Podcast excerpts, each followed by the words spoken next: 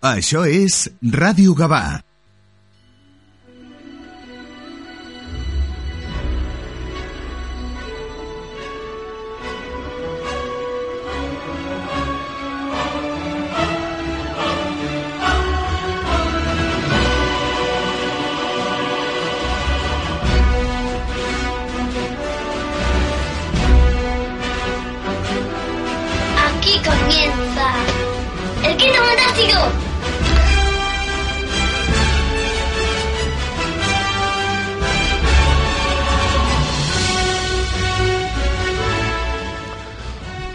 de la mañana y 17 minutos. Muy buenos días y bienvenidos a una nueva edición del Quinto Fantástico, episodio 3 de la octava temporada. Comenzamos la andadura en la sintonía de vuestra emisora local, aquí, en Radio Gaba, Hoy con nuestro eslogan de nuestro programa lo hemos cogido al pie de la letra, es decir, emitiremos nunca mejor dicho en velocidad de curvatura, ya que aparte de las noticias que comentaremos en el primer bloque, eh, tenemos la entrevista a Miguel Ángel Parra y su libro Mujeres de Star Trek, donde no ha viajado ningún hombre. Documentadísimo libro, libro editado por Diablo Ediciones. Hablaremos con él. Tenemos ahí un ratito bastante majo para que en el que Miguel Ángel nos, nos desglosa perfect, a la perfección su libro. Eh, pero también eh, deciros que hablaremos con Jordi Ojeda, ya que fue el moderador en, en, octubre de la presentación de la presentación del libro. Y hablaremos también con Elena Villalba, una grata sorpresa que conocimos en la, en la misma presentación, que hizo un prólogo extensísimo junto a Doc Pastor. Así que sin más, nos vamos con lo más destacado de estos últimos días. Let's.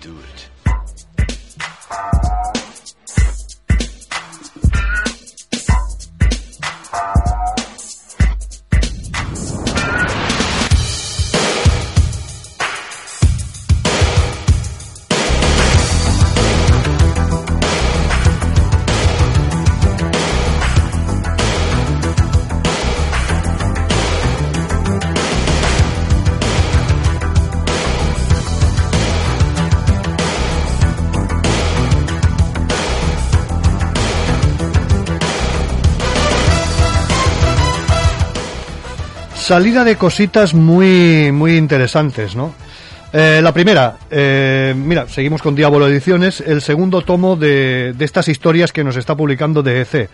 Eh, después de ese primer tomo, por cierto, agotadísimo, del volumen, del primer volumen de Tales from the Crypt, cuentos de la cripta, eh, comienzan a publicar los tomos de una de las famosas cabeceras de la ciencia ficción de, de CC, sobre todo hablando de, de fantasía, el Where Essences, eh, con títulos increíbles como El niño radiactivo, Sonidos del otro mundo, La máquina que salió de la nada, El hombre eterno, El hombre que, corro, que corrió contra el tiempo, son algunas de estas historietas que podemos leer en, en este segundo volumen. Fijaros que hay, es, lo recomiendo ya nada más que por el prólogo de George Lucas para saber de dónde viene toda su imaginación, ¿no?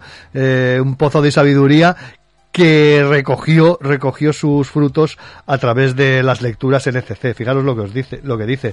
Los cómics de, perdón, de EC. Los cómics de EC lo tenían todo. Cohetes, robots, monstruos, viajes en el tiempo, rayos láseres.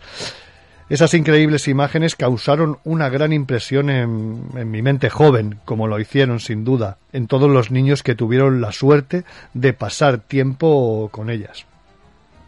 No es ninguna coincidencia que esas imágenes formen parte de la película de la Guerra de las Galaxias, porque los cómics de EC tuvieron un impacto imborrable en mí. Mm, no lo dice cualquiera, lo dice lo dice lo dice George Lucas, vaya. Y fíjate, fijaros qué nombres nos encontramos en este en este volumen. Nos encontramos a Wally Wood, nos, nos encontramos a Harvey Gutman, nos, nos, encontramos a Bernard Greystein, nos encontramos a Al Williamson. Eh, con estas historias consiguieron aterrorizarnos, aterrorizarnos y ver una, una ventana a, través de la ciencia ficción, llevarnos a los más lejanos confines del espacio, horrorizarnos con la más retorcida maldad humana, sufrir los horrores, horrores de la guerra y también, como no, enamorarnos. También por fin tenemos eh, esta maravilla. Ya por fin ya salió a mediados de octubre, salió el Drácula de Fernando Fernández.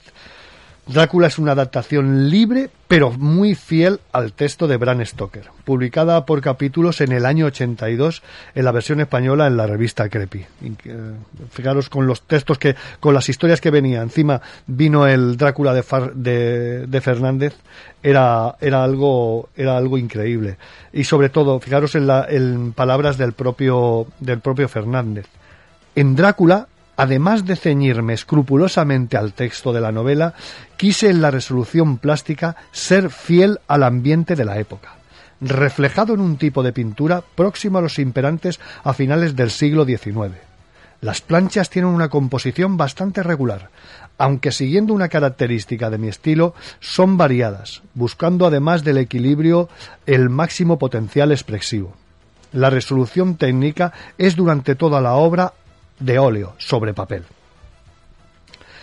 Muy recomendable. Vamos a ver si el martes que viene estamos en trámite. Vamos a ver si tenemos a alguien de, de, Carten, de Carten Comics y nos nos, nos explique cómo, cómo han llegado a la reedición de esta fabulosa obra y también de la de Fraceta, que ha hecho, han hecho una cosita muy, muy interesante de lo mejor de Fran Fraceta.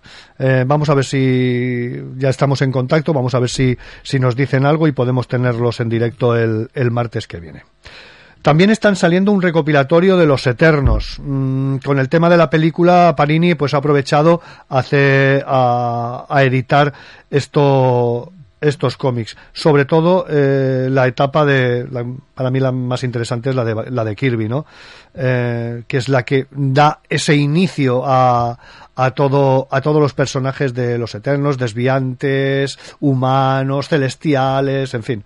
Todo esto yo los que habéis visto la película y queréis saber más cositas de de, los eternos os recomendaría que comprarais porque parte eh, parte desde el del número uno y parte de todo su inicio y es bastante bastante interesante el primero de los dos volúmenes que recopilará la obra, como os he dicho, la obra del Rey de los Cómics de Kirby, eh, Hubo un tiempo en que los dioses caminaban por la faz de la tierra, ahora han vuelto. Jack Kirby revela la historia secreta del universo Marvel, Marvel en dos razas ocultas que pugnan por heredar la tierra, unos los eternos y su equivalente oscuro, su maldad, los desviantes.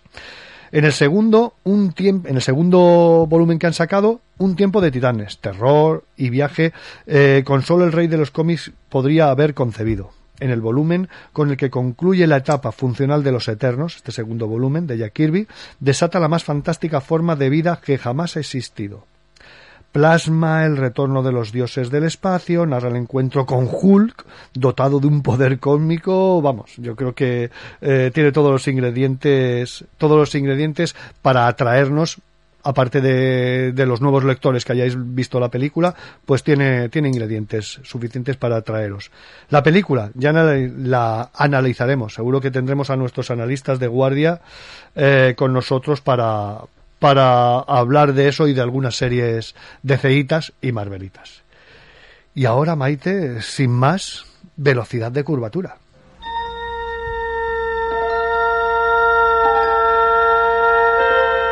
Space, a final frontier.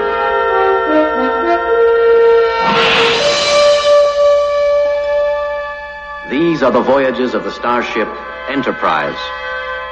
Its five-year mission, to explore strange new worlds, to seek out new life and new civilizations, to boldly go where no man has gone before.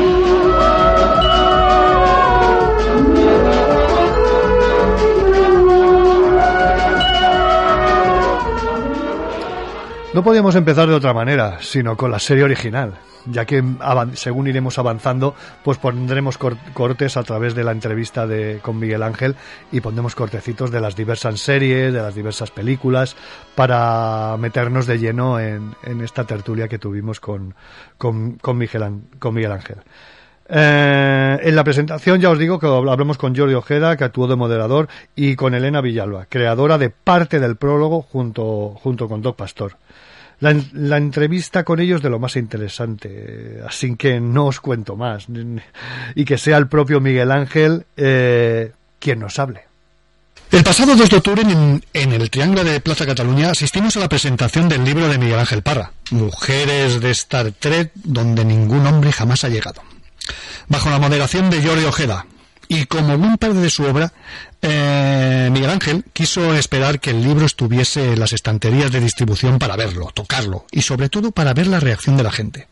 Así que tuvimos que ser pacientes para poder hablar sobre este trabajo, que para mí como treki que soy, eh, nos traslada detalles, anécdotas, comentarios desde el punto de vista de actrices, guionistas y también desde el fenómeno fan. Desde su inicio hasta prácticamente el 2015, más o menos. Miguel Ángel, muy buenas tardes y bienvenido al quinto fantástico de Radio Gabá una vez más. Pues encantado de estar aquí de nuevo y que me hayas invitado, que ya, ya estuvimos en el programa que hiciste de la vampira de Barcelona. Sí, sí, ahí estuvimos ahí con Jordi Ojeda, le pedimos la grabación y bueno, cogimos cositas así tanto tuyas como de Jandro y demás y bueno prácticamente pues hicimos un programa dedicado a esta obra que ha sido bueno, mm, bueno yo creo que todavía sigue dando que hablar vaya oye antes de comer sí Oye, antes de, antes de comenzar, eh, bueno, lo que ha sido la noticia de, de estas un semana, dos últimas semanas, ¿no? Kirk por fin ha ido al espacio. ¿Qué te parece, qué te parece esta historia? Sus 90 años. Sí, sí, desde luego. Y, y claro, y, muy merecido, porque es la persona más de mayor edad que ha salido al espacio, ¿no? Eh, aunque sea para promocionar estos vuelos comerciales de, de esta compañía. Pero a colación con el tema del libro, justamente, que son las mujeres de Star Trek, comentar que Michelle Nichols eh, lo lleva haciendo desde los años 70, cuando trabajaba para la NASA, hasta hace unos años, que ya no lo hace porque la mujer ya está un poquito fastidiada, y no se le ha dado el reconocimiento mediático que se le ha dado a William Shatner, que repito, es muy merecido también, ¿eh? porque también tiene, también tiene su mérito. Sí, como bien recoges en tu libro, Nicole hizo unos, eh, bueno, hizo eh, unas cositas para la NASA que después los, los iremos viendo, bueno, muy activista, ¿no? Muy activista ella. Sí. Otra cosa que me ha vuelto loco, ya cuéntame la historia esta un poquito sobre la exposición en 2004, haces una exposición sobre un programa mítico que a todos nos mató, que fue la bola de cristal, en su 20 aniversario, vaya. Ah, bueno, sí, eso está puesto en, en la biografía del libro, que, que, en, esa, en ese año hicimos la, la exposición del aniversario de la ola de cristal. Y esto fue porque en las GenCon, que son unas jornadas que se realizan de, rol, como una especie de, salón del cómic, pero, pero de rol, eh, se, se, hicieron varios eventos, ¿no? Por ejemplo, se, invitó a, a Paul Nashi, el, el hombre lobo de las películas españolas de, los años 70. Eh, y se hizo también, pues, entre otras cosas, eh, el, la exposición de originales, de bocetos y de otras cosas de la bola de cristal. Y claro, eh, esto se hizo porque anteriormente eh, se había hecho en Madrid y como yo era amigo de la difunta directora del programa, eh, que en ese momento estaba viva, claro, me, me, pidió que si la podíamos hacer en, en, Barcelona, que le hacía ilusión que se hiciera aquí. Y por eso el motivo de que, de que se celebrara. Y otra cosa antes de, sobre todo antes de, de entrar en materia, ¿no? ¿Cómo fue ese, ese contacto, ese, ese cara a cara entre tú y Bren Spinner, ¿no? En la entrevista que le hiciste en un festival de Sitges. ¿Cómo fue, cómo es pues Bren Spinner en las distancias cortas? Es un poco curioso porque eh, ahora en la distancia a lo mejor se puede explicar, eh, más o menos. eh, yo trabajaba en aquel momento en el Festival de Sitges, ayudando en la sección de, de Brigadum. Y entonces eh, dio la casualidad que ese año era el 40 aniversario de Star Trek y la, la, lo del 40, creo que era el 40, 45, sí, sería el 40, sí, sí. El 40 aniversario de Star Trek. Uh -huh. Y esa parte sí que sí que la hice bastante yo, la, la organización de, de lo del, del aniversario. Eh, pero se hizo, no, no como otras veces que se utiliza pues a lo mejor el auditorio, cosas estas, ¿no? Se hizo más pequeñito, se hizo en el, se hizo en Brigadum y se proyectaba allí en, en vídeo. Eh, entonces, claro, se realizaron una serie de actividades y aprovecharon que, la- que era el aniversario de la serie, eh, los de Paramount España, para traer a Bren Spinner, eh, pues no se sabe muy bien para qué, porque es que lo trajeron y no avisaron. O sea, realmente Bren Spinner no llegó a ir al Festival de Sitges. No me. Eh, fue, fue un hotel de aquí de Barcelona y entonces como fue como una sorpresa. Dijeron pero a ver aquí quién sabe Star Trek pues el que está montando lo de Star Trek pues que vaya allí y que le entreviste y, y le entrevistamos que lo grabamos en vídeo y tal y, y bueno es una lástima porque la entrevista creo que al final no se puso yo la tengo grabada No me en DVD que me hace mucha ilusión pero pero creo que no la llegaron a, a proyectar el- en el festival Ostras, tío. y, y- y creo, y si no recuerdo mal, tampoco lo digo al 100%, si no recuerdo mal, creo que no fue nadie más a entrevistar a Bren Spinner. Porque me imagino que los medios del momento, ahora ya, a lo mejor, pues con Netflix y otras cosas, la gente tiene una mentalidad más abierta, ¿no? Pero en aquella época, lo de Star Trek era para cuatro chiflados que se les identificaba y me imagino que, que a los del país o el periódico, toda esta se la traería al pairo y se quedó ahí el pobre hombre que fui yo con un cámara y, y. Ostras, tío. Bueno, y, menos, pues menos mal que fuiste tú, pues si no, vamos, no va nadie. Se hubiera quedado el tío de pasta de moniato. Encantado de, tener a Bren Spinner un hora y pico para mí solo, o sea, Bueno, Miguel Ángel, hoy entramos ya directamente ya en materia con esta, con este viaje que nos has hecho a través del universo Star Trek y sobre todo a través, no sé, no sé cómo llamarlo, si a, a través del universo femenino, de mujeres, no sé, ¿cómo, cómo, cómo le pondrías tú? ¿A nivel- ¿Universo femenino? Bueno, de- yo creo que es la visión de del, universo de Star Trek, tanto delante como detrás de las cámaras, a través de, la, de las mujeres que participaron en la serie y en las películas.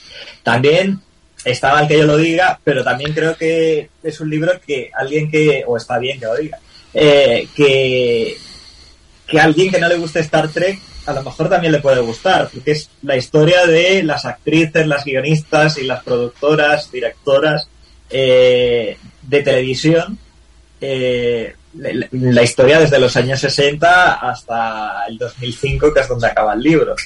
Eh, entonces, claro, es poco ese recorrido, ¿no? Hombre, yo creo, mm, yo creo a lo que decías tú de, de que a la persona que a lo mejor no ha visto nunca Star Trek y se pone a leer el libro, yo creo que tiene cosas muy interesantes por todo lo que por todo lo que cuentas, ¿no? A nivel porque siempre Star Trek, a ver, Star Trek ha sido muy de temas sociales, religión, política, racismo. eh, yo creo que puede ser igual de interesante porque das dos, das para, para el trekking, porque das mucha información sobre, sobre capítulos, sobre las series y tal, pero también das mucha información de todo el movimiento que había, ¿no? De cómo se trataba la mujer, de cómo se hacían sus contratos, de cómo trabajaban muchas con seudónimo. Claro, yo creo que por eso mismo, esa situación yo creo que se replicaría en, en más producciones de la época. Tampoco en muchas, porque eh, aunque Jim Roddenberry es un personaje un poco controvertido porque tenía sus contradicciones, eh, sí que sí que no le importaba contratar a mujeres para, por ejemplo, escribir guiones, ¿no? Y eso probablemente no se diera en, en muchos sitios. Pero en los que se diera, probablemente esas mujeres tendrían la misma problemática. Si hay una mujer que, bueno, que, es con la que tenemos que creo que empezar y analizarla es el, esa Dor- Dorothy Catherine Fontana, ¿no? Yo creo que es una de los pilares que poco a poco con el tiempo nos hemos dado cuenta cuando hemos leído muchas cosas, muchos trabajos de libros, de gente y tal, y te das cuenta de, hostia, mm, Dorothy Fontana es una de las claves en de Star Trek a nivel guionista. Claro, es, es una de las claves porque principalmente sentó lo que es las bases de- del background de los personajes vulcanos, ¿no? Que eso es casi lo más reconocible junto a los Klingons para la gente que no ve Star Trek, ¿no? Todo el mundo, hasta mi padre que no soporta Star Trek, sabe quién es Spock. O, o el saludo vulcano. Creo que es el único, ni Star Wars creo que tiene su propio icono en WhatsApp y, en WhatsApp tenemos los dedos del vulcano ahí saludando, ¿no? Entonces, claro, eh, su aportación es muy importante porque ha repercutido en la, en la cultura popular. Sí, sí, no, es, es, es, impresionante y sobre todo lo describes muy bien. Y fíjate que hace, me encanta porque cuando hablas de, de, bueno, de según qué personajes, como puede ser Dorothy Fontana, ¿no? Y como veremos más adelante de otras, eh, indagas, no te quedas con el trabajo de Star Trek, sino que te quedas y haces eh, una ampliación de, de que, oye, no, esta señora hizo más cositas, hizo El hombre del millón de dólares, La fuga de Logan, Buck Rogers, ¿no? Que quieras que no, eso a los más trekking no, son ciencia ficción, no gusta. Claro, es que se puede caer en el error, porque eso es post Star Trek, se puede caer en el error de pensar que esta señora era la secretaria del creador de Star Trek y que mira, que como tenía talento al final pues le dejó un huequito para que escribiera sus cositas. Y en realidad no es así, en realidad esta señora eh, ya había escrito guiones eh, para un productor que había trabajado con Roddenberry en, una serie de antes de Star Trek. Eh, y entonces, claro, la secretaria de, de Roddenberry se, se, puso enferma y durante su convalescencia, eh, pues como esta señora no tenía trabajo, la recomendó este amigo de Roddenberry para que cubriera el puesto de secretaria, aunque esta mujer ya había sido guionista de, de la serie de este productor. Em, entonces, claro, daba la casualidad que esos, ese año y pico o dos años que estuvo la, secretaria enferma, eh, se, hicieron los dos pilotos de Star Trek, ¿no?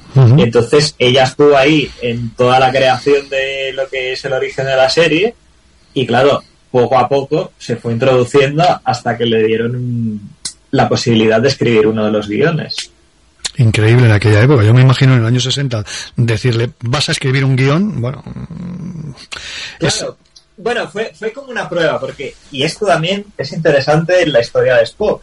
Eh, tenían un guion protagonizado por Zulu, eh, que, que, no acababa de funcionar, no le acababa de gustar a Roddenberry, y eh, que era al otro lado del paraíso, que es el capítulo este de las esporas que, que estás ahí como que son como alucinógenas y se pone todo el mundo muy contento, ¿no? Entonces, eh, Fontana cuando leyó el, el guion pensó, ostras, esto quedaría mucho mejor con el personaje de Spock que no tiene sentimientos, eh, que, le pasaría a un personaje, ¿no? Si estuviera bajo los efectos de, estas esporas. Entonces le dijo a Roddenberry, vale, lo acepto, y, pero déjame cambiarlo el personaje de Zulu por Spock. Entonces aceptó, a Roddenberry le gustó y a partir de ahí ya le dejó escribir sus propios guiones. Y el único que nunca estuvo muy contento con ellos fue George Takei, que nunca protagonizó su propio capítulo de Star Se lo quitaron de guajo. Se lo quitaron y ya después de eso, poco a poco a, poca cosa hizo el pobre. Muy bien, o sea, y, oye, otra cosa, eh, como, como bien comentas en, en, en el comienzo, ay, perdón, espera. Vale, no, es el directo, nos, han entrado ahora unos a despedirse, no, no, no pasa nada. No pasa nada, ya lo y ya está. Oye, como comentas también en el libro, ya en el comienzo de, de la serie hubo sus pros y sus contras, sobre todo para elegir quién iba a ser su eh, número uno. Al final fue interpretado por Bagel Barrett, ¿no? Pero hubo ahí unas discrepancias. Claro, a ver, la idea de Roddenberry, que por eso he dicho antes que era controvertido, porque lo que era la idea del futuro ideal era una cosa, pero lo que luego hacía de puertas para adentro era otra. La idea del futuro de Roddenberry es que todo el mundo iba a ser igual, ¿no? O sea, iba a tener las mismas oportunidades. Si eres mujer, si eres de la raza que seas, de la especie que seas y del tamaño que seas, ¿no? Entonces, claro, pienso, en el futuro es muy lógico que eh, un personaje que está al segundo al mando de, una nave espacial, pues pueda ser gran mujer, ¿no? Y entonces, claro, está el capitán, que era el capitán Pike, que luego también se cambió, y la ayudante, la, siguiente al mando del capitán Pike era número uno, que por eso luego Riker se llama número uno y otros personajes se han llamado número uno a lo largo de la serie.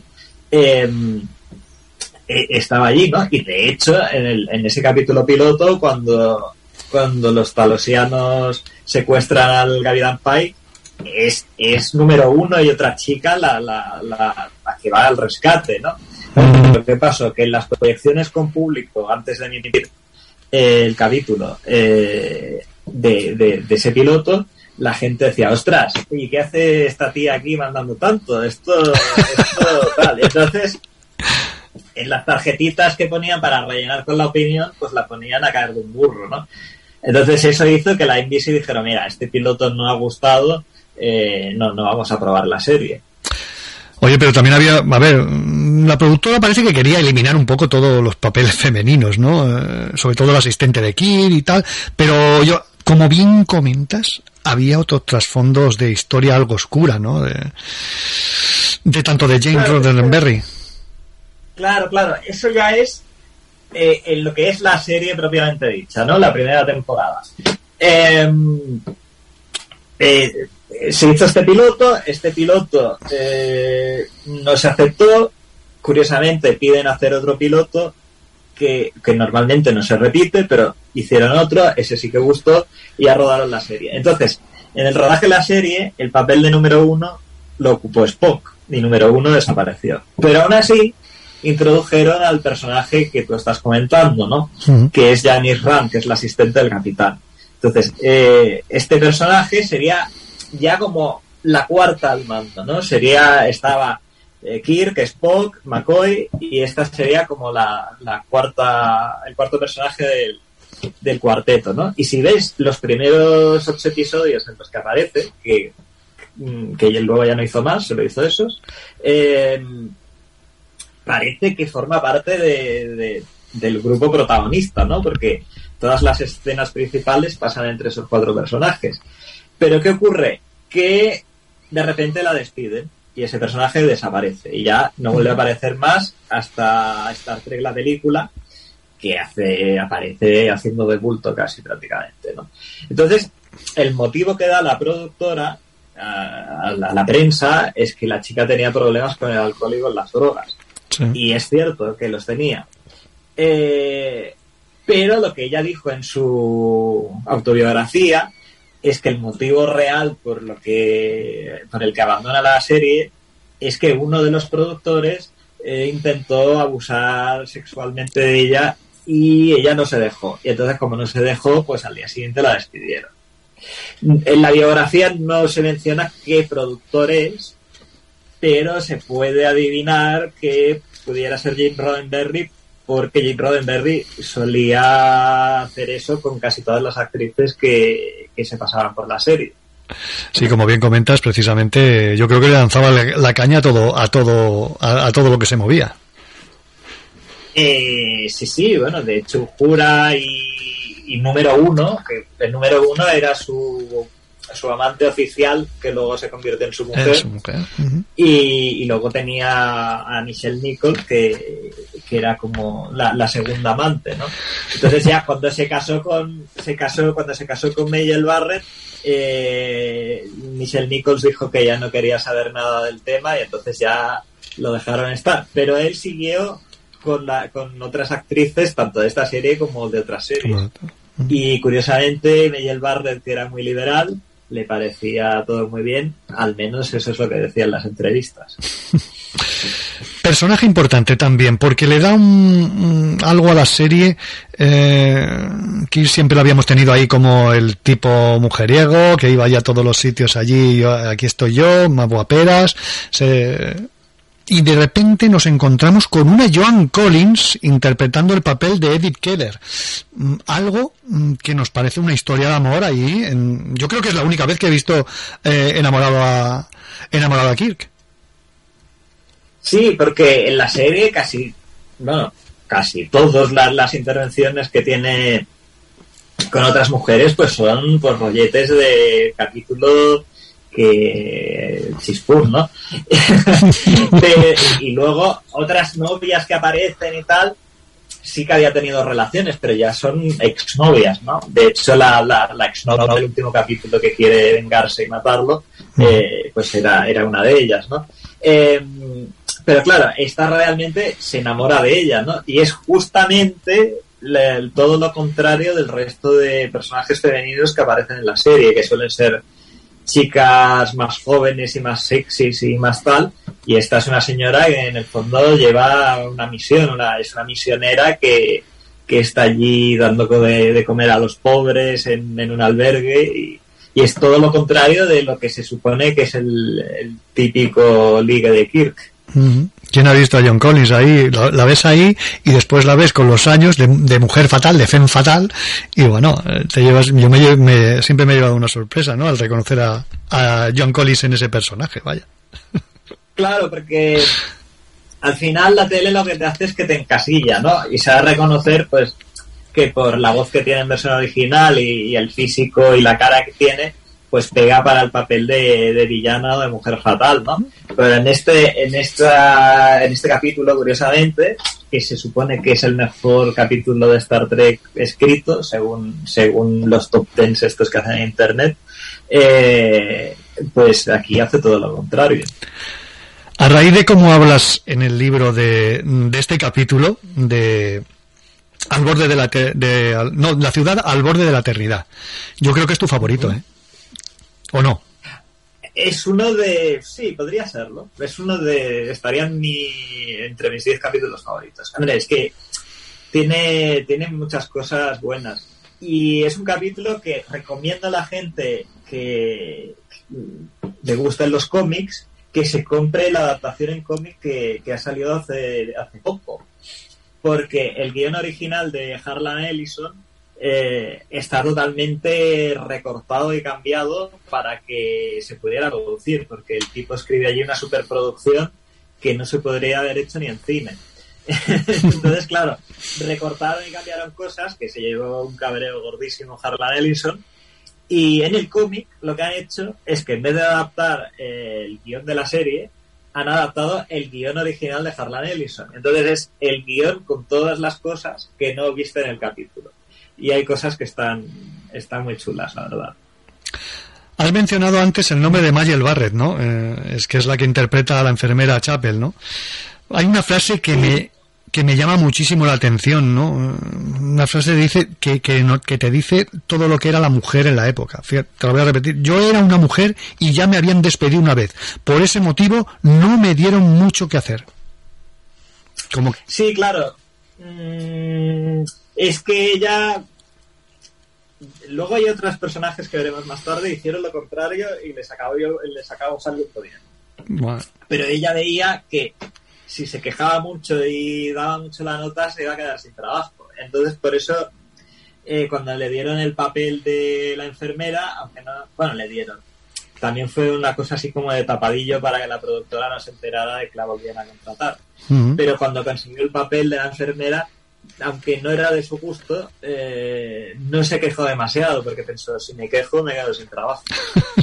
Qué verdad. Bueno, y nos vamos con la con la que es la la mujer de la, la mujer, bueno, la que la que nos cautivó a todos, Uhura, ¿no? Interpretada por Nichelle Nichols. Primer beso interracial, sus conversaciones con Martin Luther King. Es una mujer, ha sido una mujer que con el paso del tiempo ha sido muy influyente. Tanto a nivel de mujer y como tanto a nivel en el movimiento en el movimiento racista. Claro, claro, claro. Eh, y, en, y en el espacial, que también, Sí. como hemos comentado al principio. Eh, a ver, si tú ves ahora todas las cosas, por eso ahora cuando intentan censurar películas y libros y, historias, todas las cosas se han de ver desde el contexto, el contexto histórico del momento. Y si tú ves ahora la serie, pues ves allí unas señoras en minifalda que queda un poco raro visto ahora, eh, que casi no hablan, que casi no dicen nada y tal, y, Michelle Nichols, depende de la escena que veas, pues puede parecer que es un florero que pasaba por allí. Pero claro, es que hay que tener en cuenta que la importancia de este personaje, ¿no? Aunque sea a nivel simbólico y de representación, porque era una mujer negra, primero que era una mujer que estaba ocupando un puesto de mando, que era la oficial de comunicaciones eh, en el puente, y luego que era negra, que en ese momento eh, las mujeres negras en televisión como mucho eran pues criadas, chachas y si tenían suerte era la secretaria de, de alguien, ¿no? En alguna serie.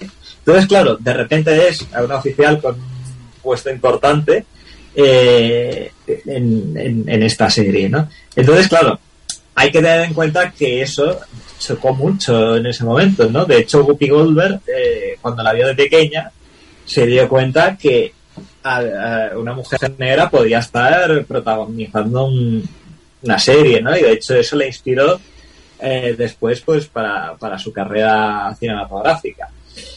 En cuanto a lo de Martin Luther King, pues tiene que ver un poco con esto. Em, eh, Michelle Nichols en la primera temporada eh, vio que allí pues tampoco como le pasaba a la enfermera que no iba a tener demasiado papel y se le había prometido más. Entonces, cuando llevaba ya media, media temporada, dijo, me voy a ir porque aquí no, no voy a conseguir lo que yo quiero. Pero estaba en una reunión que estaba Martin Luther King y Martin Luther King se enteró de lo que, de lo que iba a hacer. Entonces se le acercó y le dijo que eso no podía hacerlo porque eh, su presencia en televisión era eh, una cosa muy importante para los movimientos raciales del momento, ¿no? Eh, porque estaba representando a una minoría en este momento no aparecía en televisión y menos ocupando esos esos cargos, ¿no? Mm. Y en cuanto al beso interracial, de estigmatizar, que claro, esto es lo han dicho en todos los documentales, en todas las entrevistas, en todos los sitios. Pero claro, los yankees cuando hacen sus cosas no tienen en cuenta lo del resto del mundo. Entonces, el primer beso interracial en televisión en realidad pasó en, Inglaterra, en, un programa inglés. Y luego el primer beso interracial de no ficción eh, pasó en, en, un programa de variedades con Sammy Davis Jr y la hija de, Frank Sinatra, eh, que cuando acabaron una canción se dan un beso. Eh, y meses después eh, apareció el beso interracial, el famoso beso interracial de, de Cura y Kirk que sí que es cierto que es el primer beso interracial de una serie de televisión americana. Eso sí que es cierto. Vale, vale, vale. Pues oye. Esa, coletilla se la, se la olvidan siempre. Sí. Porque queda muy guay decir que fueron los primeros. Sí, sí, es verdad. Siempre. Bueno, yo, yo precisamente cuando hago un programa para, para algo de Star Trek siempre me siento orgulloso de, poder decir eso, ¿no? De que el primer beso interracial fue, fue en Star Trek. No sabía esos matices que tú, que tú nos has comentado, vaya. Pero igualmente, como comentaba con lo de Kirk antes en el espacio, esto sigue teniendo mérito también, porque claro, no deja de ser eh, una cosa que no se había hecho antes, ¿no? Y mm. además que, claro, programa de variedades a lo mejor era para el público ya más nocturno y, y esto era una cosa que se metía para toda la familia, ¿no? O sea, que lo estaba viendo, aunque era de la hora ya de la tarde, pero lo veía el abuelo, el niño, el padre y, y claro, era la exposición no era la misma. Tuvieron que pasar muchas fechas estelares para que tomata, tomara por fin el mando del Enterprise, ¿no? Que fue de la mano de, la guionista Margaret Armen, la señal de Lorelei. Efectivamente, esto ya es en la serie de animación. Cuando se acabó la serie de, de imagen real, después de tres temporadas, se hicieron dos temporadas animadas, que es como la continuación de los cinco años de emisión de la, de la Enterprise. Que esta, esta serie, justamente, la, la showrunner, runner, era, era. Fontana. Y entonces, eh, en esta serie, por fin le dieron el mando de la Enterprise en este capítulo y en, y en otro, aunque el más famoso es el de la señal de, de Lorelei. Y aquí se pudo quitar la espinita. Y el, el guion lo firmaba eh, una guionista que esta no se ocultaba, esta firmaba con su nombre real.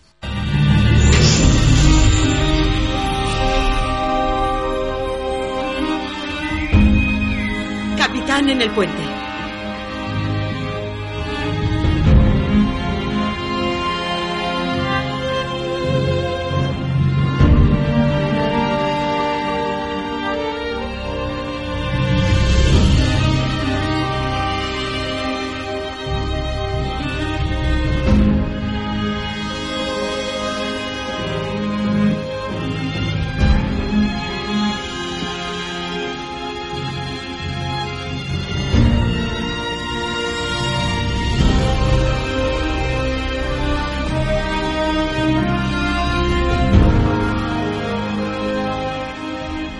Qué tenemos? La nave minera Coloma nos espera en el planeta de Dilitio. Las primeras entregas son para dos mundos de la Federación, cinco no federados y una base estelar que nos invitará a un helado de elaboración propia. Pues nada. ¿Todos preparados? Sí, capitán.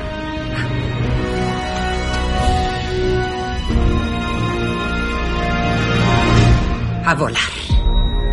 También hay, eh, hemos tocado un poquito guionistas, hemos tocado un poquito eh, actrices, pero también el fenómeno FAM, hay una mujer detrás que es la que mm, entre el correo mm, salva un poco el hecatombe para que se volviera otra vez a retomar eh, Star Trek, la serie original. No sé, mm, se llama Trimble, pero BG, BGO, BJO. Llama- yo, yo yo he de reconocer que eh, hasta que no lo escuché en un documental, porque es- tenía, tenía ya um, el libro medio borrador y para cerciorarme de algunos datos estuve buscando pues documentales, historias y hasta que no lo encontré en un documental no supe cómo se pronunciaba. Se pronuncia Billo Trindle. Entonces, Vale, vale. pero se ha de reconocer que es un nombre un poco raro. Claro, yo, Billo Trindle. Ah, yo cuando lo he visto digo, serán las iniciales, serán, no lo sabía exactamente, digo, bueno, pues lo preguntaremos a él, a ver, a ver cómo Billo Trimble. Vale, vale. Yo, ta- yo tampoco lo sabía, ¿eh? Vale. Pero bueno, el caso de esta señora era una Trekkie de, desde el que empezó la serie, ¿no? Entonces, la serie estuvo amenazada de cancelación desde el principio. Entonces, ya la segunda temporada se hizo con un poco de suerte, porque ya se la querían quitar de encima lo más rápido posible. Pero claro, cuando ya llegaron a la tercera, les dijeron no va a haber tercera porque, porque no tiene el público suficiente para, para crear audiencia. Entonces, claro, los Trekkies, que en esto sí que sí que son muy activos, eh, ya desde el principio hicieron una campaña para la que se llamaba Safe Star Trek, ¿no? Salvar Star Trek. Entonces, esta campaña la inició eh, la señora Trimble, eh, eh, ayudada por su marido, ¿no? Y otros Trekkies. Entonces, esta campaña hizo que, que, se, que se rodara una, una tercera temporada, que es un poco como ahora que te llenen el correo de spam, ¿no? Sí. O sea, la, la idea era eh, tratar la NBC de, de sacos de cartas, ¿no? Y al final, como estaban hasta el gorro de tantas cartas, dijeron, pues vamos a probar y hacer una tercera temporada. Pero lamentablemente la tercera ya fue la última.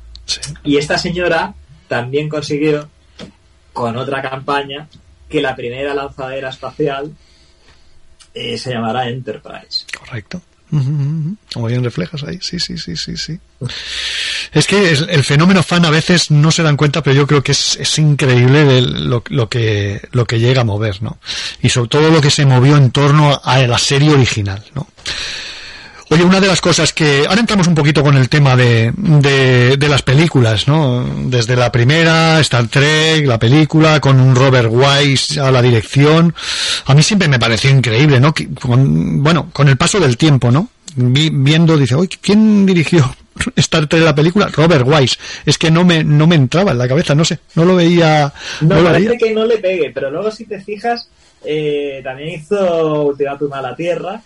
Y si no recuerdo mal, aquí a lo mejor me equivoco, ¿eh? Pero creo que también hizo La amenaza de Andrómeda. O sea que sí que es cierto que ha hecho pelis como West Side Story Claro. o, o Sonrisas y Lágrimas, y- pero también ha hecho pelis del género.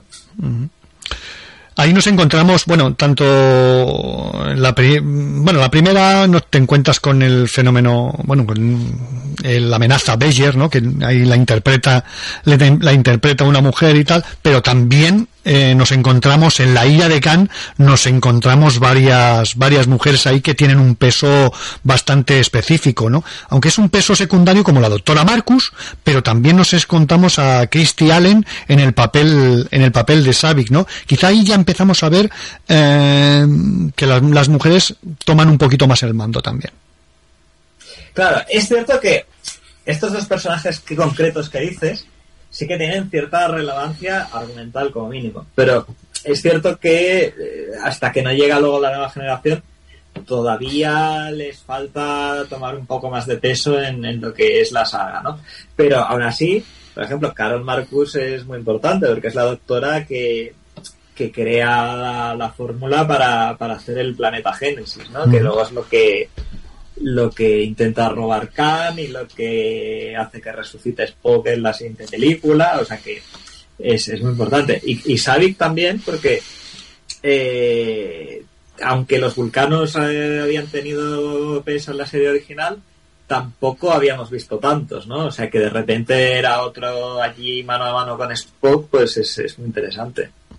En la tercera nos dejas ahí, vamos, nos dejas unas pinceladas muy buenas, ya con Nimoy al frente, eh, como dices tú muy bien, con alegorías bíblicas y con sacerdotisas eh, y mucho papel de Ujura. Nos encontramos ahí ya una mezcla bastante, bastante grande. Sí, aquí en esta película probablemente sea la película que más eh, que más papel tenga tenga Ujura.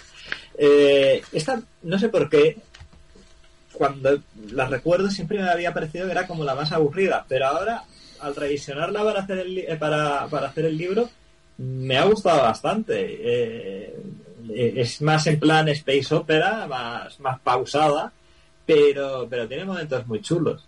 Y, y la sacerdotisa, que, que, es la actriz que, que hacía la ama de llaves de, de Rebeca, de Alfred Hitchcock, que, es una actriz muy, muy reconocida de la época.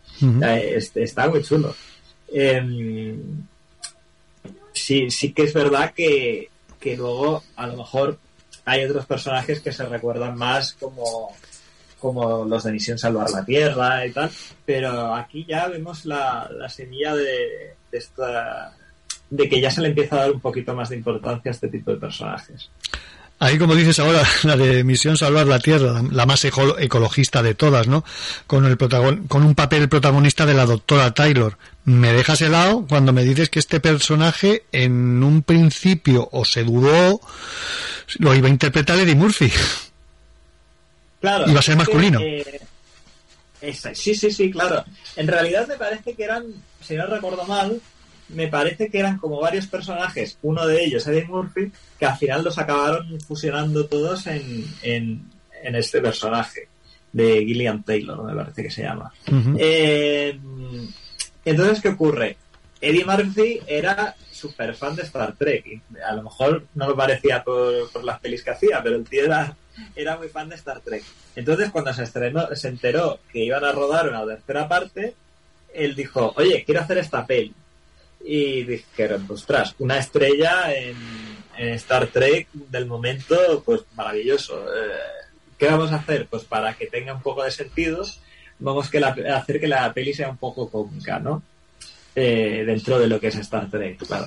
Y además, hacía poco eh, se había rodado Superman 3, que en Superman 3 estaba Richard Pryor, que era como el otro cómico negro de la época, Que, que aparecía allí con Christopher Reeve todos pensaron, mira, pues si lo han hecho en Superman 3, aquí vamos a hacer lo mismo, pero con Eddie Murphy.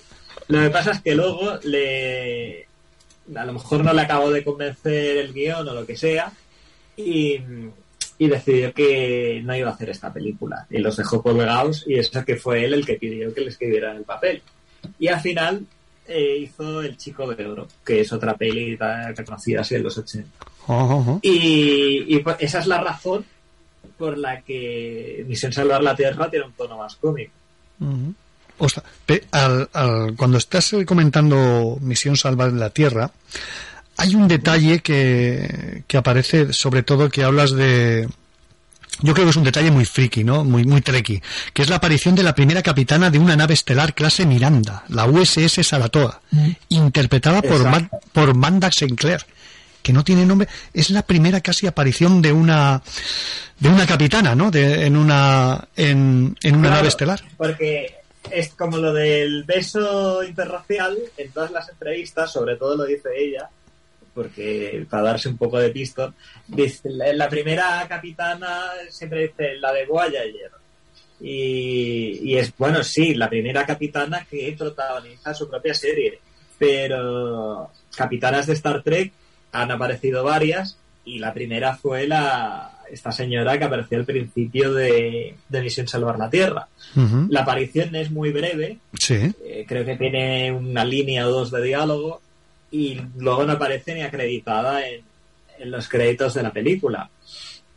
eh, por suerte, esta actriz luego años más tarde eh, interpretó a Silvia LaForce, que es la madre de, de LaForce. O sea que ahí sí ya, ya tuvo un poquito más de papel. Pero es una pasada porque, eh, fíjate, bueno, ahí lo comentas tú, pero con esos detalles es que puedes hacer una historia increíble, ¿no? Mm, No sé. Se puede alargar mucho más el chicle, ¿no? Como diría yo. Yo cuando lo, lo he leído en el libro digo, hostia. Sí que reconozco que no me han estado mirarlo. Pero seguro que en alguna novela o en algún cómic de Star Trek eh, hay alguna historia de la capitana esta de la USS Saratoga. Seguro que sí, seguro que sí. Vamos. Oye, no- nos vamos con, nos vamos ahora con, con la nueva generación, ¿no? Ahí nos encontramos un trío, Diana Troy, Natasha Yar, Beverly Creuser. Yo creo que es ahí ya empieza, ahí ya empieza bastante, ya empieza bastante a, a ser un papel muy importante lo que es la mujer dentro del, del universo Star Trek. Claro, es muy importante, pero en las primeras temporadas se encontraron con un problema. Que justamente detrás de las cámaras hubo cosas que a lo mejor se pueden tildar más de machistas en esta época que en los años 60. Que es que sí, la idea de Roddenberry, que es el que creó la nueva generación también, luego ya las, resto de series la- la- las hicieron otros, otros creativos, eh, eh, era que las mujeres tuvieran un puesto de importancia en, la, en una nave estalar y sabía que en- ya en los años 80 ya no le iban a poner problemas como en los 60 y decide crear estos tres personajes eh, de importancia para la serie. Pero ¿qué ocurre? Que los guionistas no sabían qué hacer con, con, con esos personajes, porque claro, no estaban acostumbrados a, a escribir ese tipo de personajes. Entonces eso crea una serie de tensiones en el, en el plató, porque eh, Denise Crosby, que es la actriz que hace de Tasha Yar, pues estaba harta de, de decir solo sí, mi capitán, eh, Sí. frecuencias abiertas, eh, no sé qué, torpedo de fotón. Y entonces, claro, dice, pero ¿esto qué es? Esto, para esto no me he metido yo actriz, ¿no? Y la doctora Crusher, pues le pasaba un poco lo mismo, ¿no? Que, que pensaba que su personaje debería tener más importancia y estaba ya un poco en un segundo plano.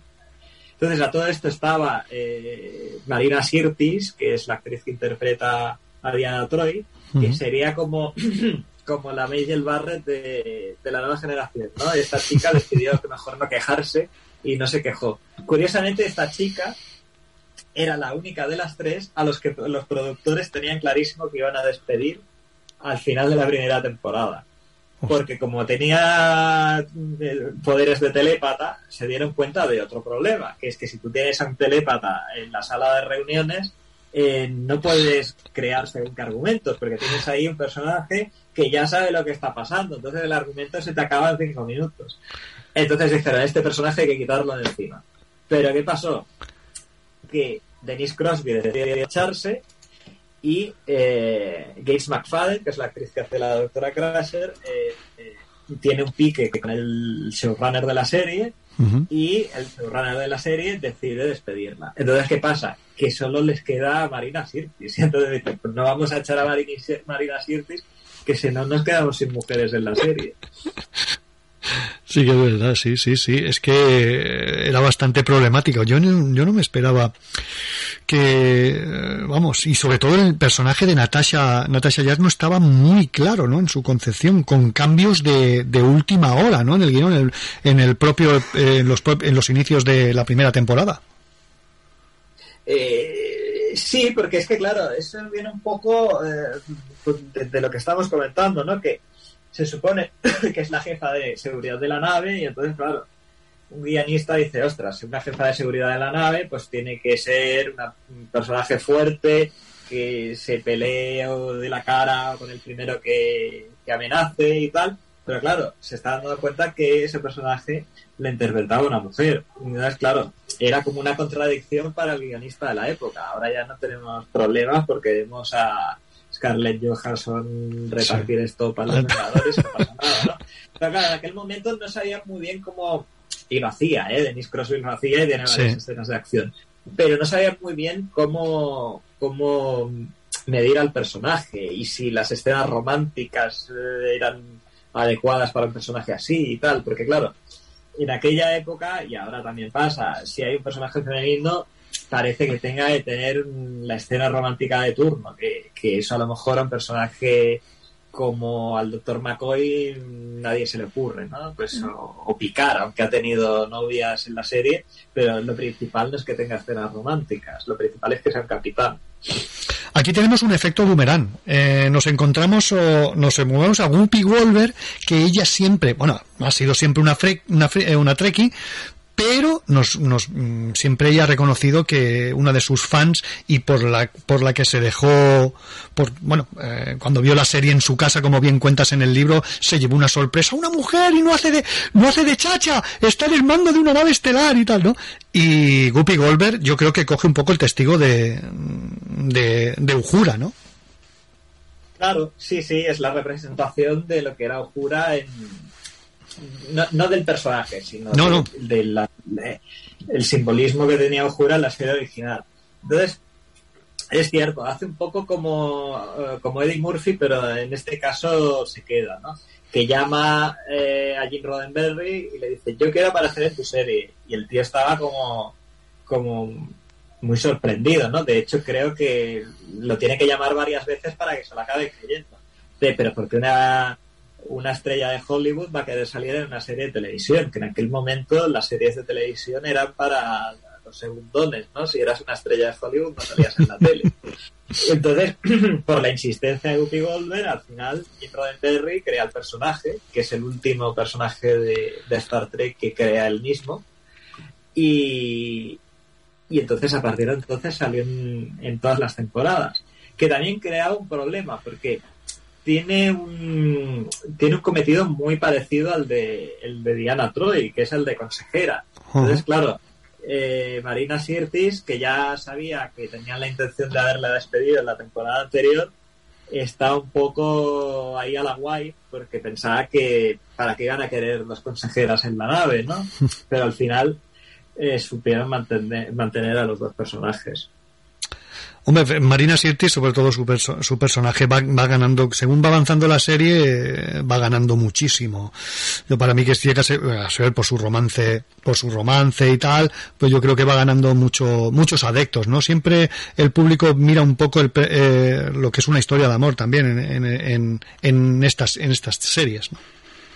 Sí, a mí lo que más me gusta del personaje es algo que a mucha gente le parece cargante, pero a mí me parece muy divertido, que es la relación con su madre, que también es Mayel Barrett que vuelve a aparecer de nuevo en la nueva generación. Sí. Eh, eso de ser la mujer del jefe también tenía sus ventajas, ¿no?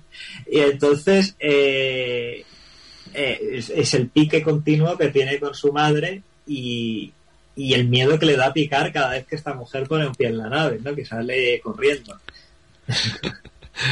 La primera gran villana. La primera gran villana yo para mí aparece que es la reina Borg, Alice Creech.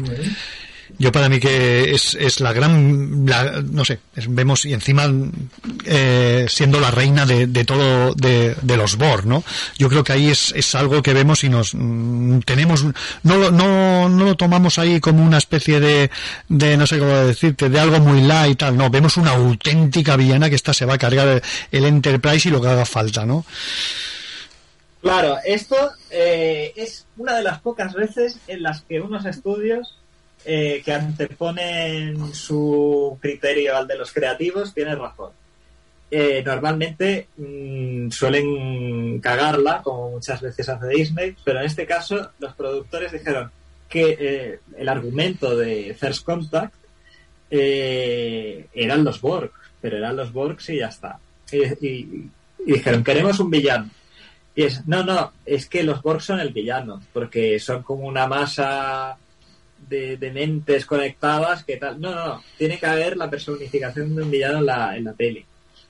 Y eso, la insistencia fue porque Star Trek, la película, la primera película, eh, no funcionó tan bien como ellos esperaban. Y esa película en, realmente no tiene villano, porque mm, no aparece ningún villano en toda la, en toda la peli. Está Beyer al final, que es la, Eh, sí, la entidad que, aparece al final.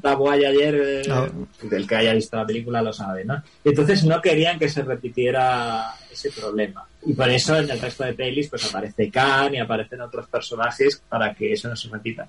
Y aquí el este, Paramount estaba asustada de que volviera a pasar lo mismo. Y dijeron, queremos que se cree una villana eh, para, para esta peli. Entonces, se sacaron de la manga que si los Borg son como una colmena, pues ¿por qué no va a haber una reina, ¿no? Como, como, como con las abejas y las hormigas. y, la verdad es que la idea funciona muy bien. Y es un, yo creo que es uno de los villanos más reconocibles de, Star Trek. Sí, te da un, vamos, dices, ostras, esto tiene, esto tiene cara y ojos. Es que, es que vamos, este da un miedo terrible. A mí me, es, que la, la, ves peligrar todo, toda la nave. Claro, porque Khan a lo mejor es el villano que conoce más la gente en general, ¿no? Pero Khan, a pesar de que es un chiflado, a lo mejor si lo pillas de buenas puedes hablar con él. Pero con esta está claro que o sea que esta da mucho más miedo. Sí, que verdad, sí, sí. Están atrapados en el horizonte de sucesos. Abra un canal. Aquí la capitana Kathleen Janeway de la nave estelar Voyager a la nave cerca de la singularidad. ¿Necesitan ayuda?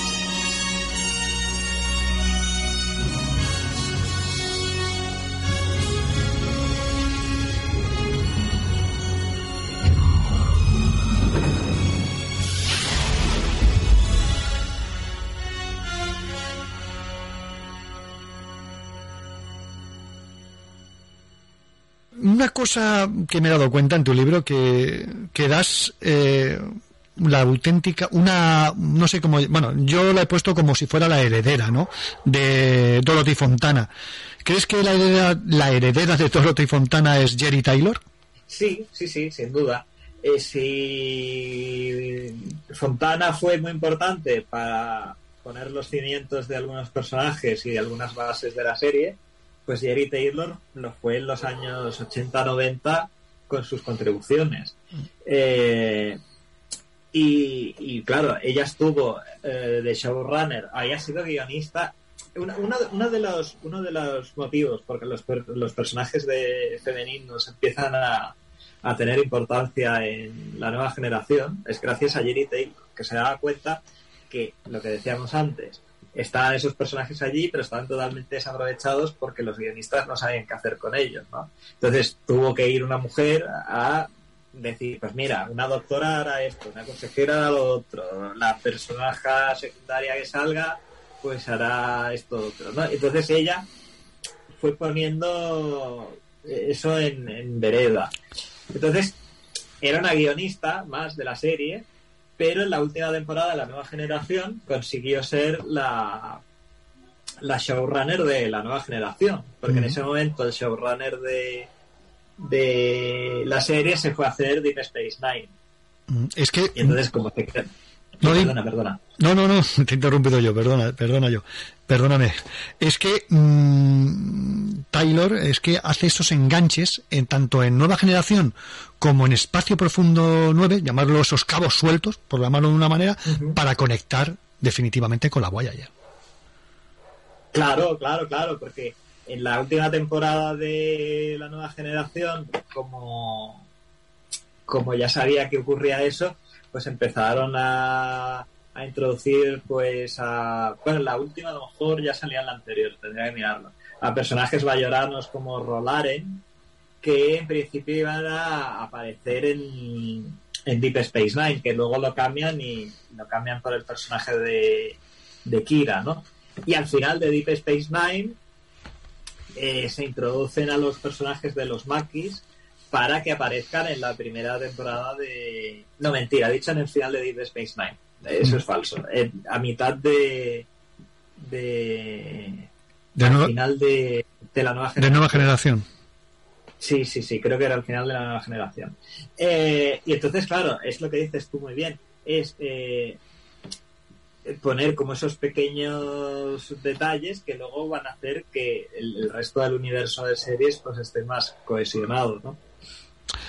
Nos encontramos ante uh, las siguientes bueno yo para mí me, a mí me mató. La Voyager la, como serie a mí me mató y me enganchó. Ya en su tiempo bueno no sé si tú la verías tú la viste en, en, en el canal 33 eh, pues no no la vi en el canal 33 eh, yo fue la primera serie de de Star Trek uh -huh. que seguí más o menos a tiempo real entre comillas eh, porque compraba los VHS Ah. eh, que, que, iban saliendo, eh, los compraba ahí de, de, importación, que los traían en la desaparecida Virgin, y, y, los iba viendo más o menos el año que tocaba, que hasta aquí en Star Trek teníamos una sequía y si nos llegaba algo nos llegaba tres años más tarde.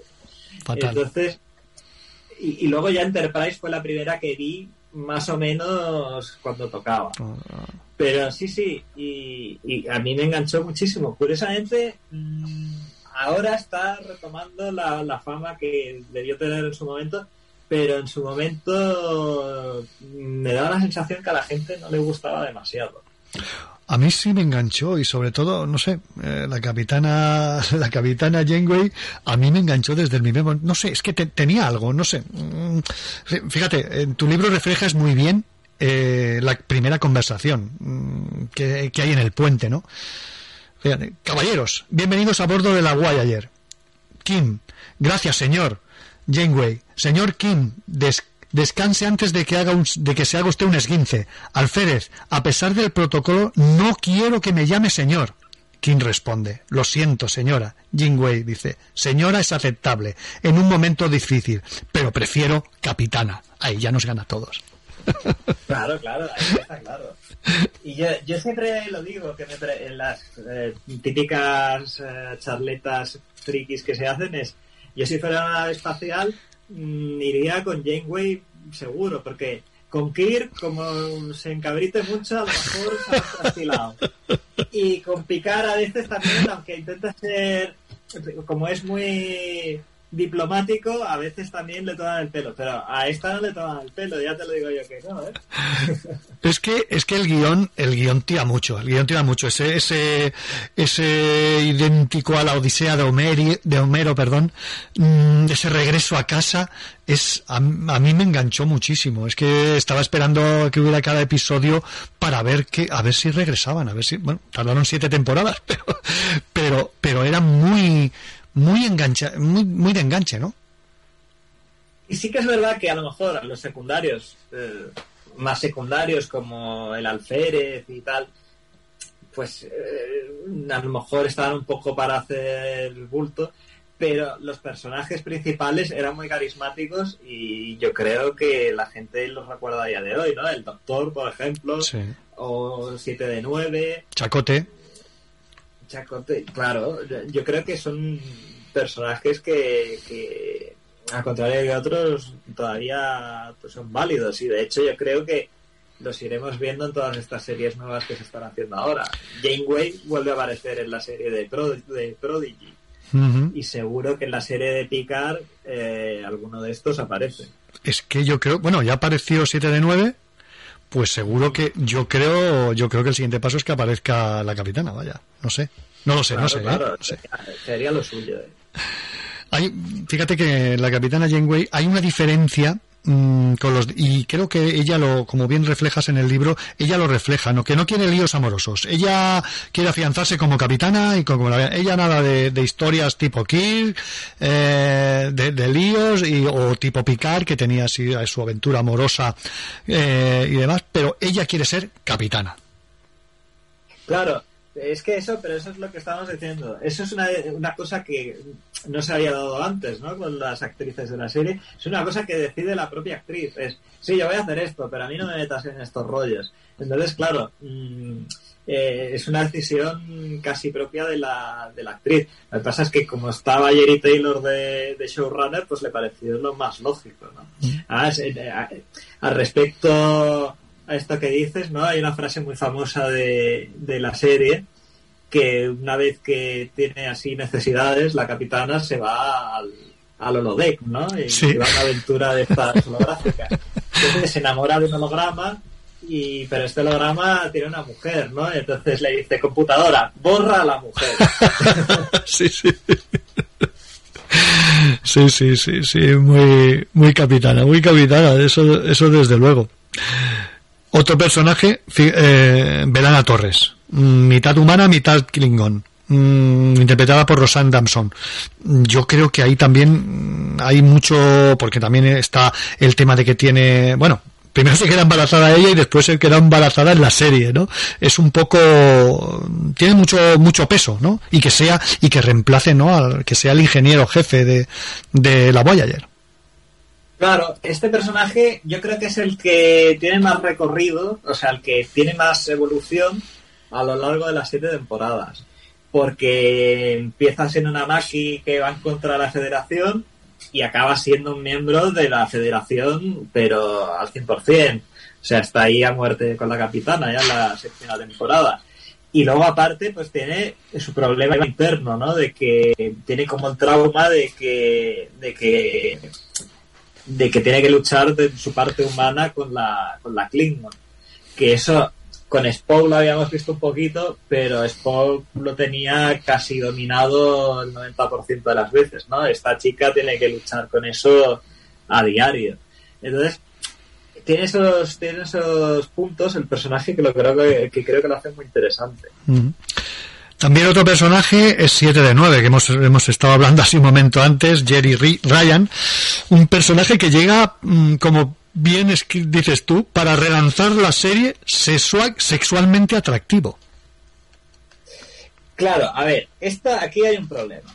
Se juntan dos cosas. Se juntan que, eh, que la serie estaba teniendo ya una audiencia bastante mala en su tercera temporada y, eh, y, que Jerry Taylor se jubila, porque era una señora que ya tenía un recorrido en televisión, había trabajado en El Increíble Hulk y otras series de los años 70, o sea que no era, no era una jovencita, o sea que ya decide jubilarse.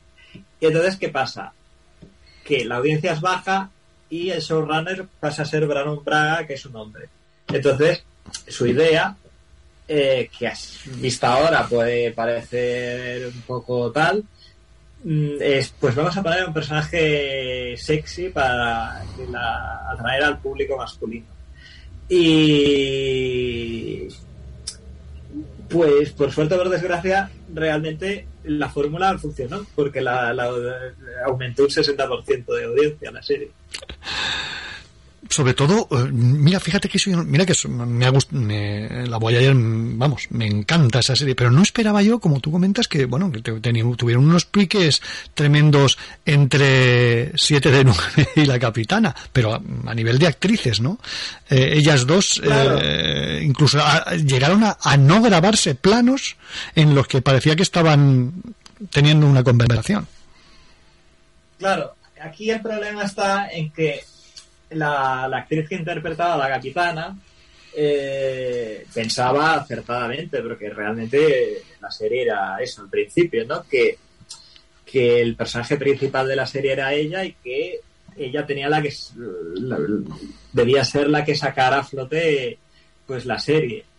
Eh, y además con un argumento supuestamente feminista no que es una nave en la que las mujeres tienen más más mando que otras series. Entonces claro eh, de repente ve que una chica allí pues con ropa ceñida y tal eh, le está quitando protagonismo pues no le sienta bien Nada bien. Entonces, lo que hace es eso, lo que has comentado. En las escenas que tenían las dos juntas, si salía fuera de plano la capitana, pues se iba y la dejaba ya hablando sola a la pobre. No tenemos más tiempo, qué pena. Yo he disfrutado con, con este libro, Mujeres de Star Trek, donde ningún hombre jam- donde ningún hombre ha llegado jamás. Lo recomiendo muchísimo, sobre todo por todo el material que tiene de información y que te, lo vas a pasar bomba leyendo. En dos tardes me lo he liquidado y se me ha sido muy ameno. Y sobre todo por todo el documento fotográfico que aportas eh, en él, ¿no? Que es, es muy impresionante, muy variado y, y que te deja el lector, según vas leyendo, mm, tienes en cada página, tienes fotos y que, quieras que no, para todo aficionado Treki, pues no, nos llena muchísimo. Vaya.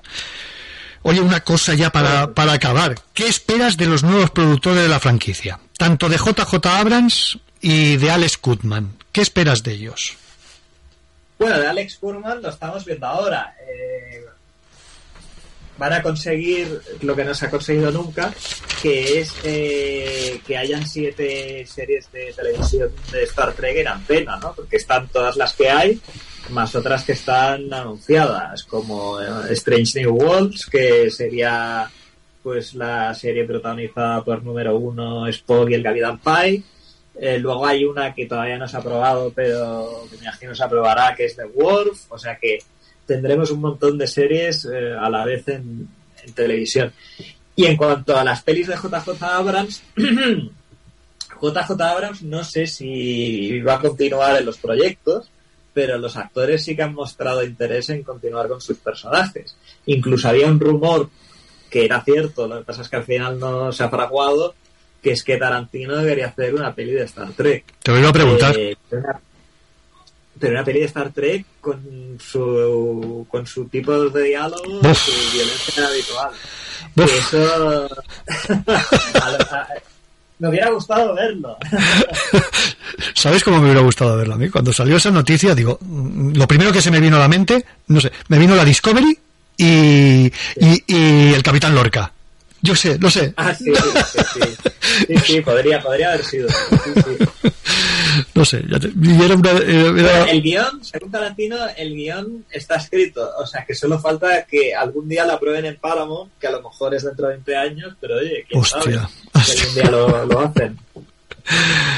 Ay, Miguel Ángel, ha sido un placer está hablar contigo y vamos, bueno, y le ya va- ¿crees que habrá segundo libro? Yo creo que te han quedado muchas cosas, te queda la Discovery, te queda picar, no sé, si te dará para La, idea, la idea, sin extenderme, que ya sé que tienes que cortar, es que en este libro no cabía todo. Entonces ya con el editor hablamos de hacer una segunda parte. Evidentemente, si funciona bien la primera.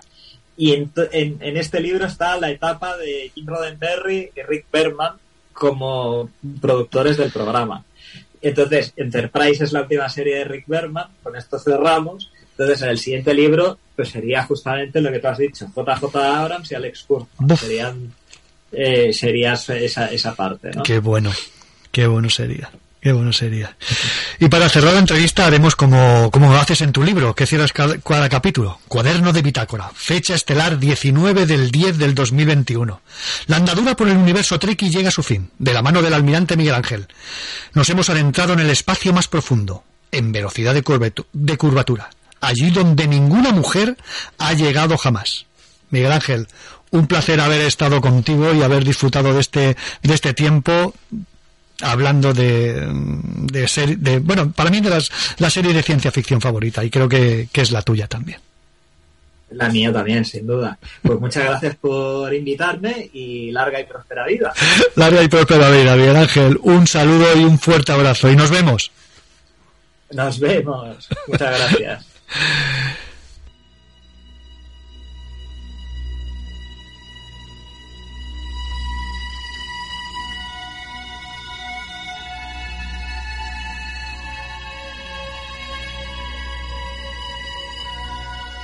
El espacio. La última frontera. Estos son los viajes de la nave estelar Enterprise en su misión permanente de explorar nuevos y desconocidos mundos.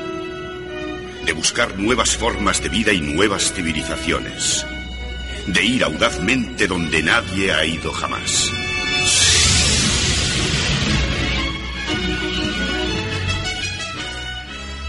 Eh, libro muy interesante de cara sobre todo a estas fiestas si queréis hacer un buen regalo a, vuestro amigo Treki o autorregalároslo vosotros y vosotras porque es muy interesante. Dos detalles. La novela, lo que, la, la, amenaza de Andrómeda, sí la dirigió al final Robert Wise, la novela de Michael Crichton.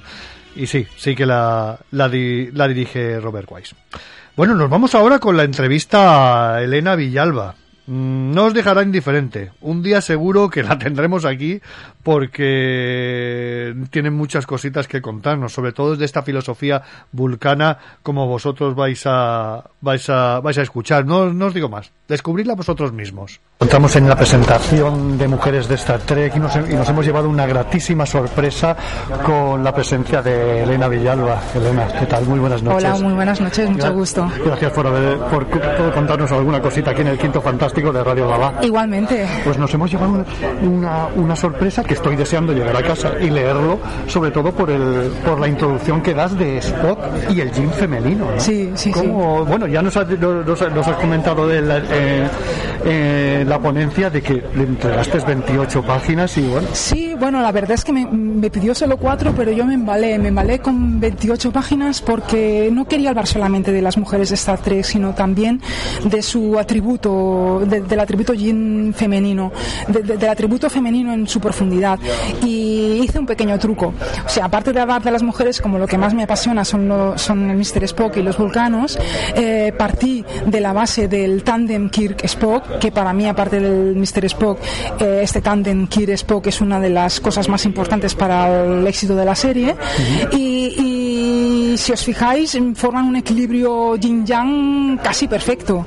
Y, y, las cualidades de frialdad, de, misterio, etcétera, eh, pues los que más lo encarnan es Mr. Spock y los vulcanos. Y de ahí eh, la introducción que se llama de Spock al yin femenino.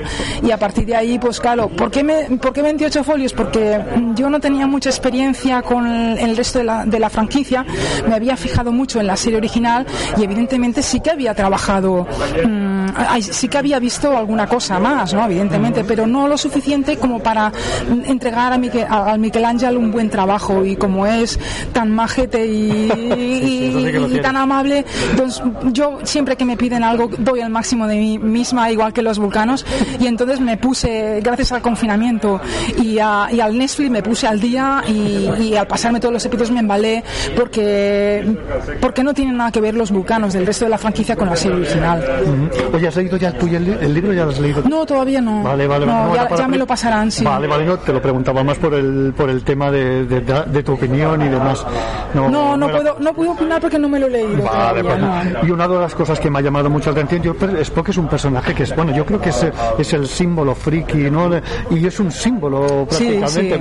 Sí, sí. Eh, para los oyentes, eh, Elena lleva una chapa de, de Spock en, en su sí. cazadora, que es de las clásicas de, de Spock, vaya. Y sobre sí. todo, hoy el libro este, Spock y yo, sí. ¿qué nos cuentas? Porque creo, bueno, por lo que nos has explicado antes, es un poco un, un viaje a, a, a, lo que es Spock, los vulcanos, la espiritualidad. Sí, sí, sí, sí, sí. O sea, ah, mm, es un libro con la verdad, la verdad es que es un, un libro que es como una primer, o sea, yo recordaba la serie de Star Trek de la infancia, uh -huh. pero un poco lejano, aquello que dices, mira, si me preguntaban cuál es la serie que te más te, que más te, te apasiona, pues recordaba la serie de Star Trek original. Uh -huh. ¿Y qué es el personaje? Pues Mr. Spock, pero hacía tiempo que no la veía.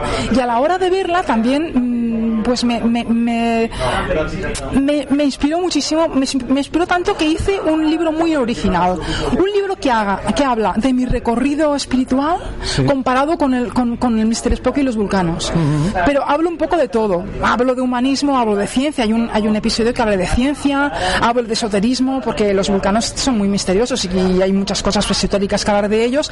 Y, es muy personal. Hablo de, mí misma y lo voy comparando a lo largo de todo el libro con los vulcanos y con Mr. Spock.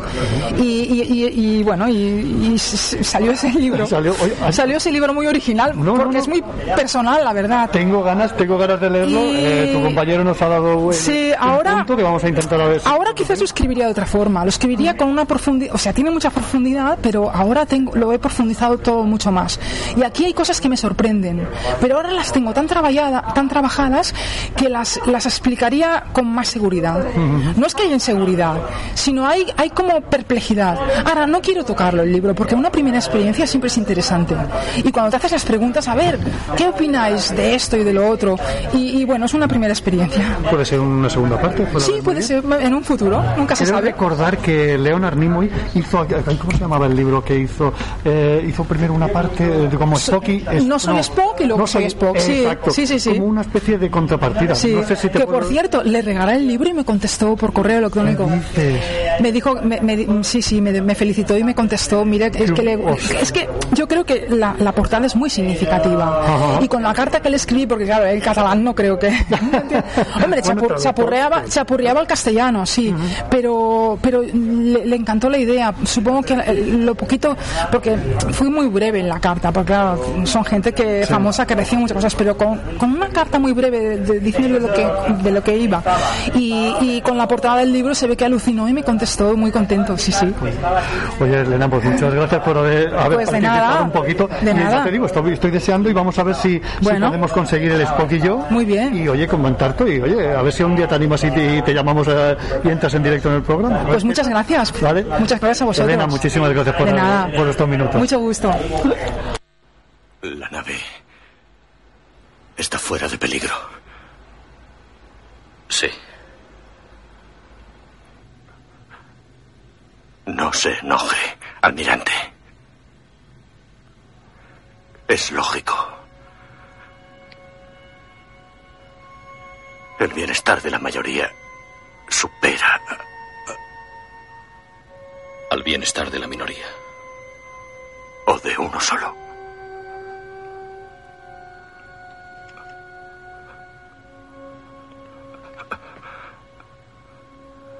Yo nunca hice la prueba del Kobayashi Maru. Hasta ahora. ¿Qué opina de mi solución? Spock.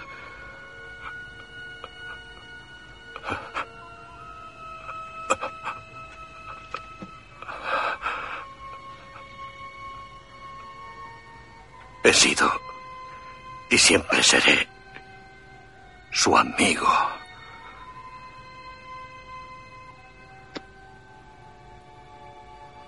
Que viva largo tiempo y prósperamente.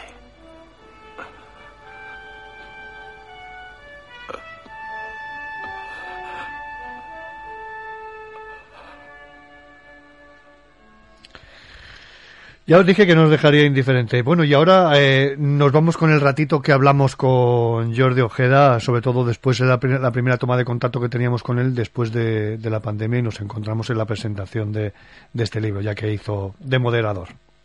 Bueno, pues nos encontramos en la presentación de mujeres de Star Trek y como siempre yo creo que hoy es un día importante, como él mismo ha dicho en la, presentación, 1 de octubre, eh, parece que comienza todo esto a funcionar un poco, presentaciones, salones, la cultura en general.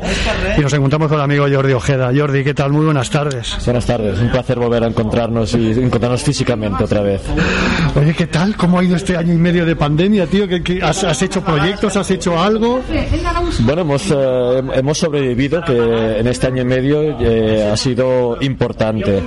Eh, yo creo que como todos, al inicio del confinamiento todos estábamos muy asustados, todos cambiamos nuestra forma de trabajar. Yo llevo un año y medio dando las clases desde casa y entonces al principio un poco noqueado, por decirlo así, eh, trabajando en unas condiciones infrahumanas y asustado pero eh, yo creo que hubo un momento justo un poco antes de empezar el verano, eh, para mí final de curso, inicio digamos del verano, en la que el chip es como que, cambia y piensas, oye, eh, tenemos que volver a hacer actividad.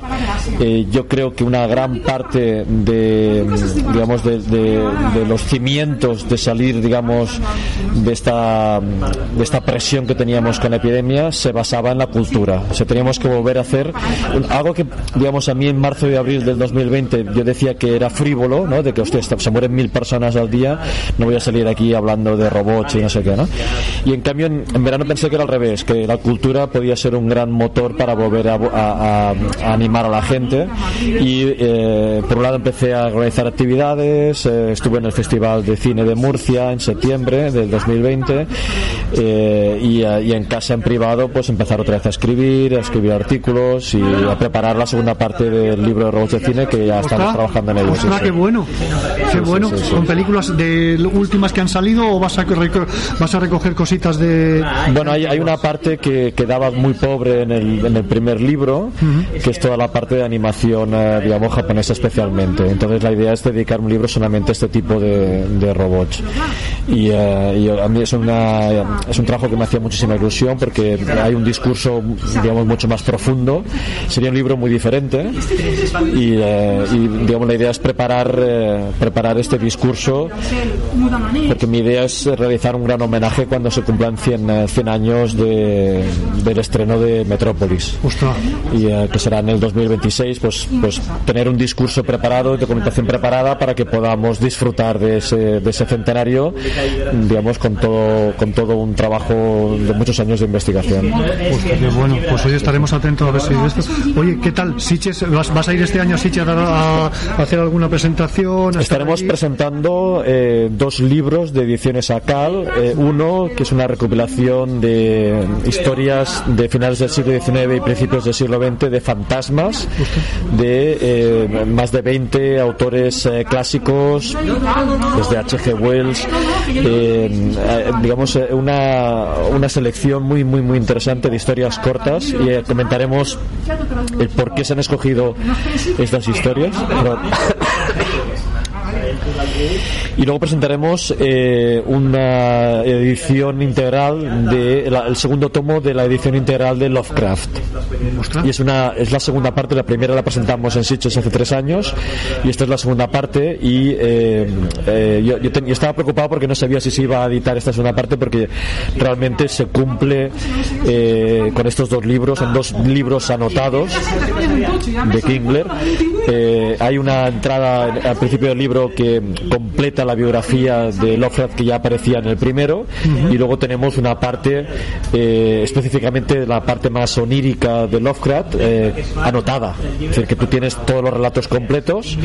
Eh, por ejemplo una parte que me, gusta muchísimo que es la parte de Randolph Carter que son básicamente cuatro libros. Los cuatro libros están en este y los cuatro están anotados están comentados con lo cual para mí ha sido muy muy muy emocionante. Esto lo dije en Sitges hace cuatro años cuando presenté la primera parte era la primera vez que leía las historias. Yo había leído muchas biografías, que había leído las novelas, pero era la primera vez que tenía las novelas anotadas, con lo cual eh, no solo las he disfrutado, sino que he entendido cosas que no sabía, ¿no?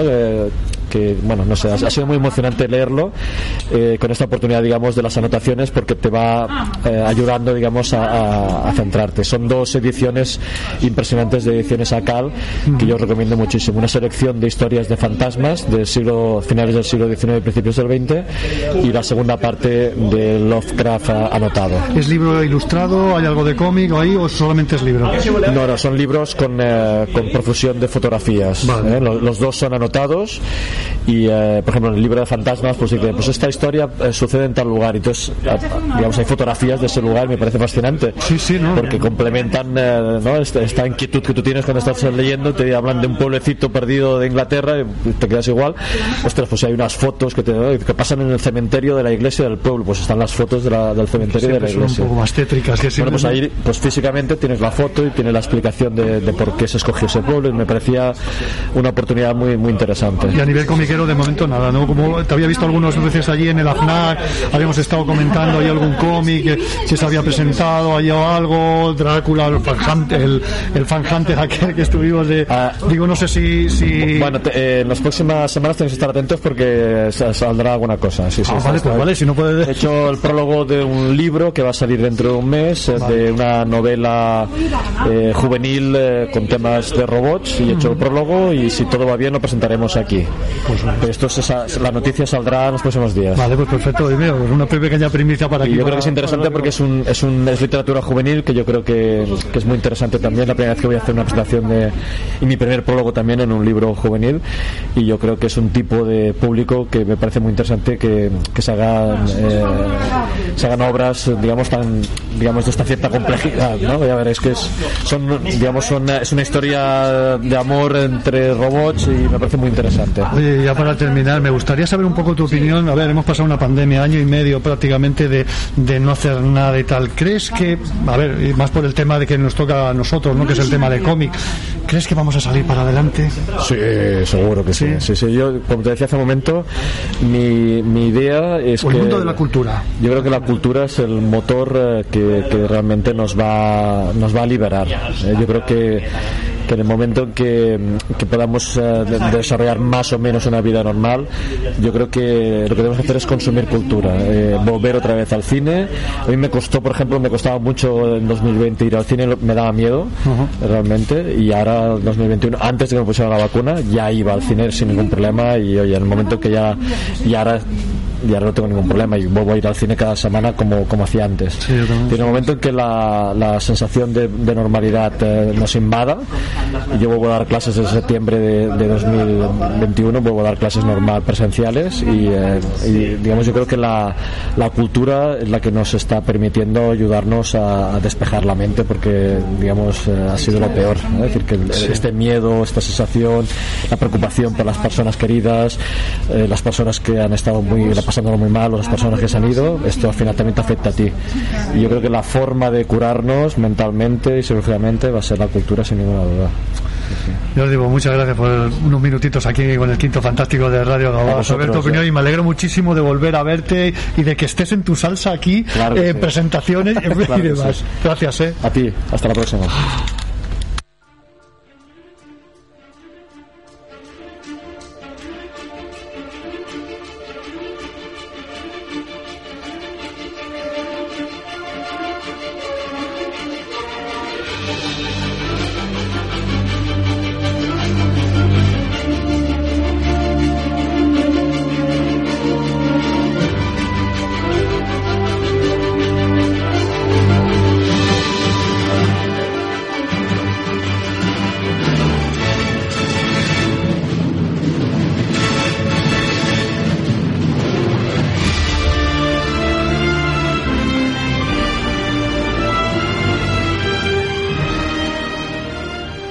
Placer escuchar a Jordi, a Jordi Ojeda, sus comentarios y su sapiencia a nivel cultural. Eh, nos vamos con la mujer que más nos ha dado que hablar, sobre todo en esta parte final, en esta, en la Discovery, que no ni es Michael Borman ni mucho menos, sino que es Filipa Georgiou, ¿no? Nos ha dado que hablar y nos ha hecho pasajes increíbles.